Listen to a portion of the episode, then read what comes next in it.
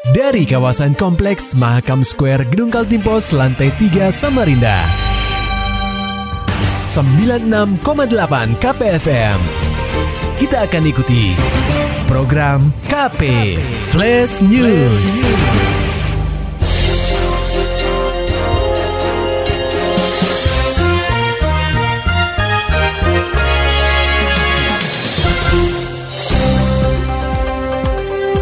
Anda sedang menyimak program KP Flash News bersama saya Agung Pratama.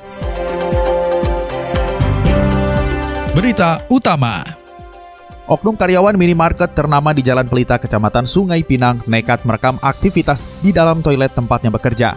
Hal tersebut terungkap setelah salah satu korban berinisial A menyadari ada yang janggal di balik celah toilet pada Rabu 24 Juni 2021 sekitar pukul 23.00 waktu Indonesia Tengah. Mahasiswi asal Bontang ini menerangkan, kejadian bermula saat dirinya membeli jajanan tepat di seberang minimarket.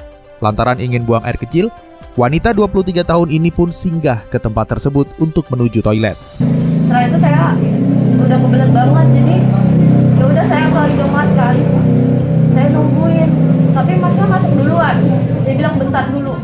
Setelah itu saya masuk, uh, dia tuh lama banget. Lama banget. Lama pas keluar saya bilang sama kakak saya kok lama? Kok lama kak? Ya nggak tahu mungkin mungkin dia banget besar. Saya saya tunggu tunggu kan. Sampai saya menunggu itu terus habis itu saya masuk. Curiga dengan hal tersebut, korban langsung membuka tempat sampah itu dan melihat sebuah handphone dalam kondisi merekam aktivitas di toilet. Sontak dia langsung mendatangi kakaknya serta melabrak salah satu karyawan yang sebelumnya berada di toilet. Saya lihat ada kayak bolongan di apa? Ada bolongan di bentuk kayak kamera di di tempat sampah. sampah. Saya coba siram di situ.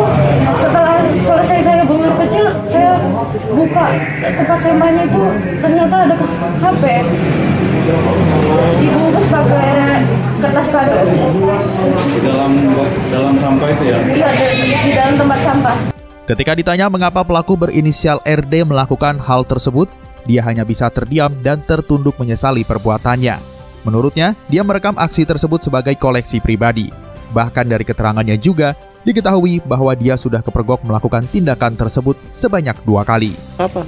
Videonya dijual atau di, di apa nih? Pribadi. Kamu dapat uang kayak gitu? Sampai sudah berkeluarga belum mas? Belum. Harusnya malu. Punya pacar enggak? Iya. Terus kenapa ngerekam kayak gitu? Terus nyesel enggak? Bisa.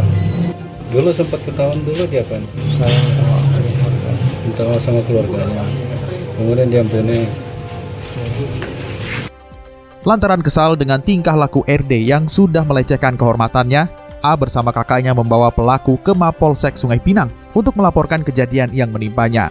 Dikonfirmasi melalui sambungan telepon, Kapolsek Sungai Pinang M. Jufri Rana hanya berkata singkat kepada awak media. Wanita yang mahasiswa tuh yang direkam di toilet no. Diambil alih Polres. Oh, dia ambil alih Polres kah? Iya, diambil alih Polres. Oh, siap, siap, komandan. Sampai saat ini, belum ada keterangan resmi dari manajemen minimarket tersebut untuk menyikapi kasus yang menerpa salah satu karyawannya ini.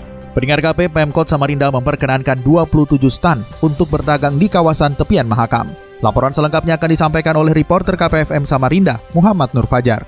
Pemkot Samarinda mempersilahkan pedagang kaki lima atau PKL di tepian Mahakam untuk membuka sementara dagangannya. Hanya saja, Pemkot Samarinda melakukan pembatasan agar jumlah PKL tidak membludak. Hal tersebut diungkapkan oleh Wakil Wali Kota Samarinda, Rusmadi, berdasarkan hasil pertemuan dengan Ikatan Pedagang Tepian Mahakam atau IPTM Samarinda pada Kamis 24 Juni 2021. Rusmadi mengungkapkan, hanya 27 stan yang diperkenankan untuk menjual dagangannya.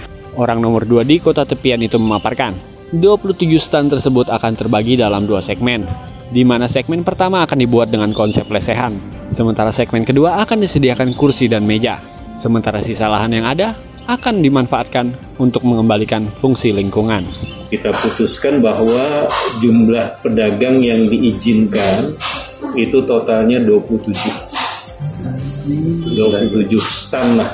Kalau lapak ini kan nyaman pulang kan. 27 stand. Itu kita bagi dua segmen. Jadi di zona itu kita bagi dua segmen. Segmen pertama itu antara ya dermaga itulah dekat apa itu gambarnya ada itu dekat hmm. apa dekat baliho itu sampai sebelum Taman Pesut itu lah hmm. ya kan Merespon keputusan Pemkot Samarinda, Ketua IPTM Samarinda, Hans Miranda Ruau, mengaku sangat bingung untuk menentukan siapa yang berhak berdagang di kawasan tepian Mahakam. Tentunya, proses eliminasi tersebut akan menimbulkan pro dan kontra di kalangan pedagang. Oleh sebab itu, Hans mendorong Pemkot Samarinda agar bisa menjalankan opsi relokasi bagi PKL tepian Mahakam, mengingat jumlah pedagang yang terdata saat ini berjumlah 130 orang Otomatis, dengan adanya pembatasan ini, banyak dari mereka yang tidak bisa berdagang. Ya, kami berharap sekali relokasi mentah. Bahkan saya sempat mengatakan tadi di depan semua, bahwasanya ingat satu sisi kita bicara lingkungan yang dimanfaatkan oleh orang banyak.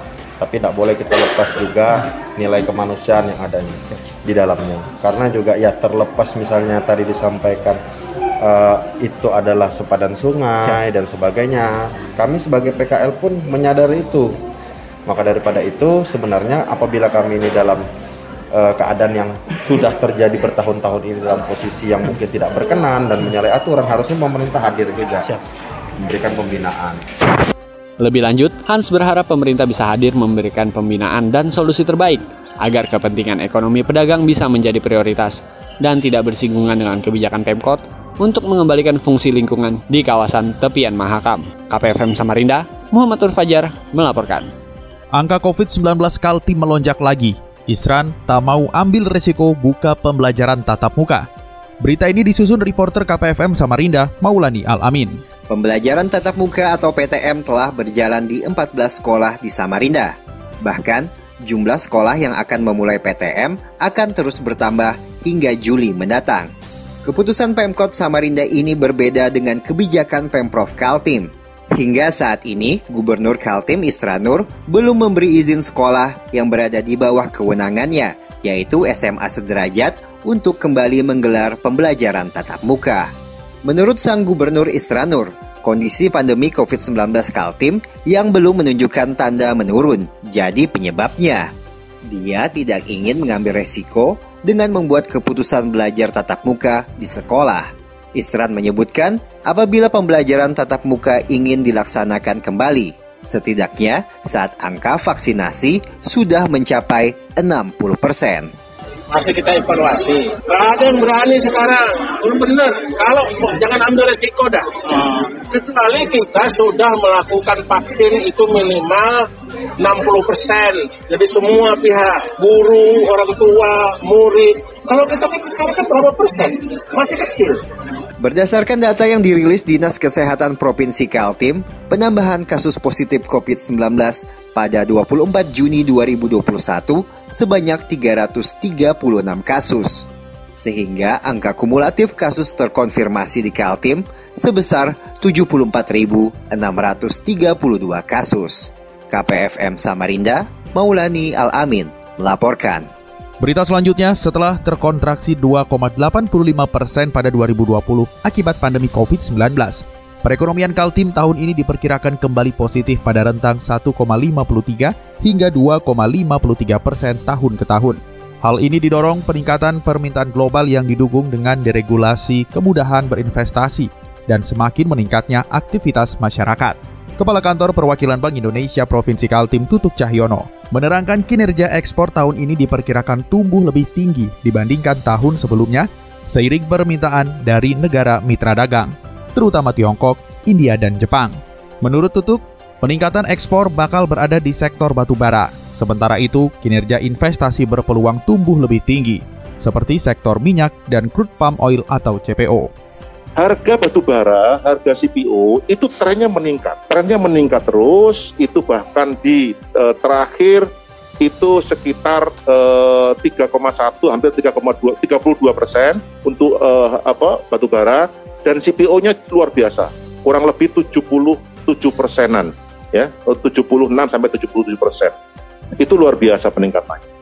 Dan uh, karena ekspor kita seru, uh, betul, apa, uh, mayoritasnya adalah non migas jadi ini ini memang punya dampak jadinya. Meskipun volumenya terbatas, tetapi punya dampak ikutan karena harganya tinggi, tentu ini memberikan percepatan pemulihan ekonomi kepada Kalimantan Timur.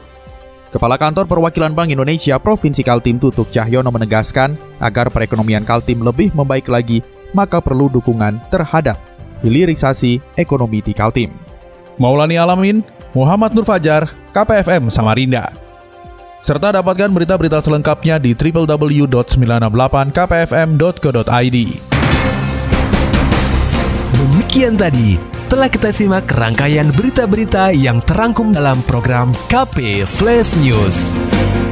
Persembahan dari 96,8 KPFM. Terima kasih dan sampai jumpa.